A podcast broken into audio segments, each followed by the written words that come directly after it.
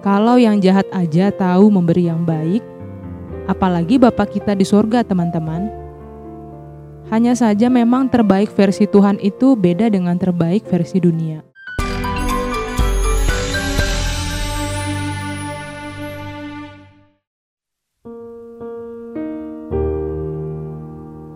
Shalom, apa kabar Naposo yang penuh inspirasi?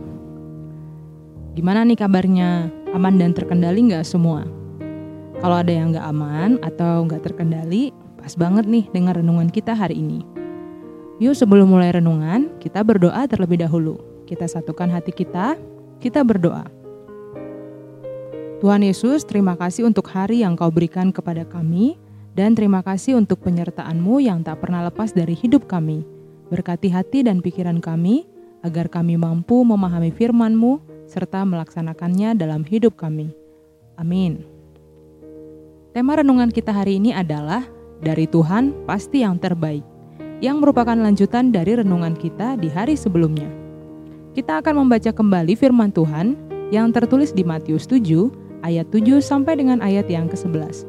Aku akan membacakannya untuk kita semua. Hal pengabulan doa. Mintalah, maka akan diberikan kepadamu. Carilah, maka kamu akan mendapat. Ketuklah, maka pintu akan dibukakan bagimu.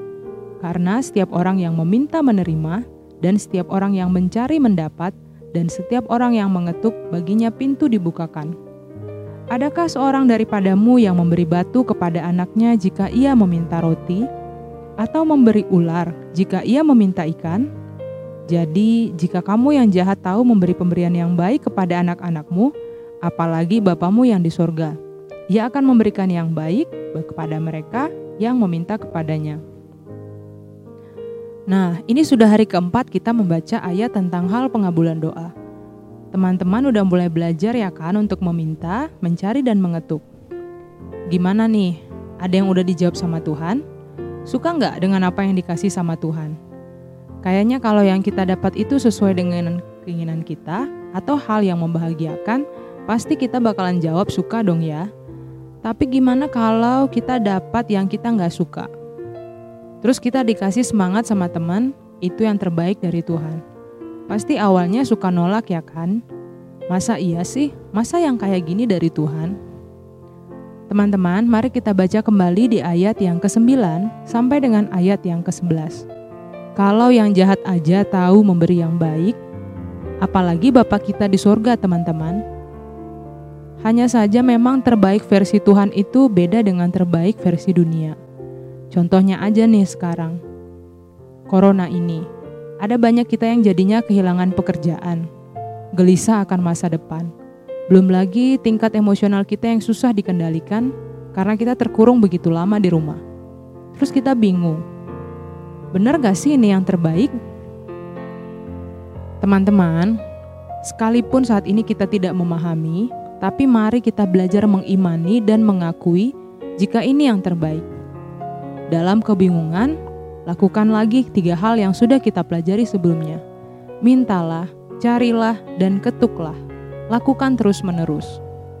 Jika memang kita percaya Tuhan memberi yang terbaik, maka sekalipun kita mungkin terkejut atau bersedih dengan situasi yang kita hadapi saat ini, kita pasti dimampukan menerimanya dengan rasa syukur.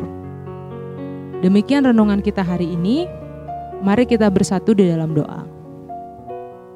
Tuhan Yesus, Kau mengenal hati kami dari siapa pun.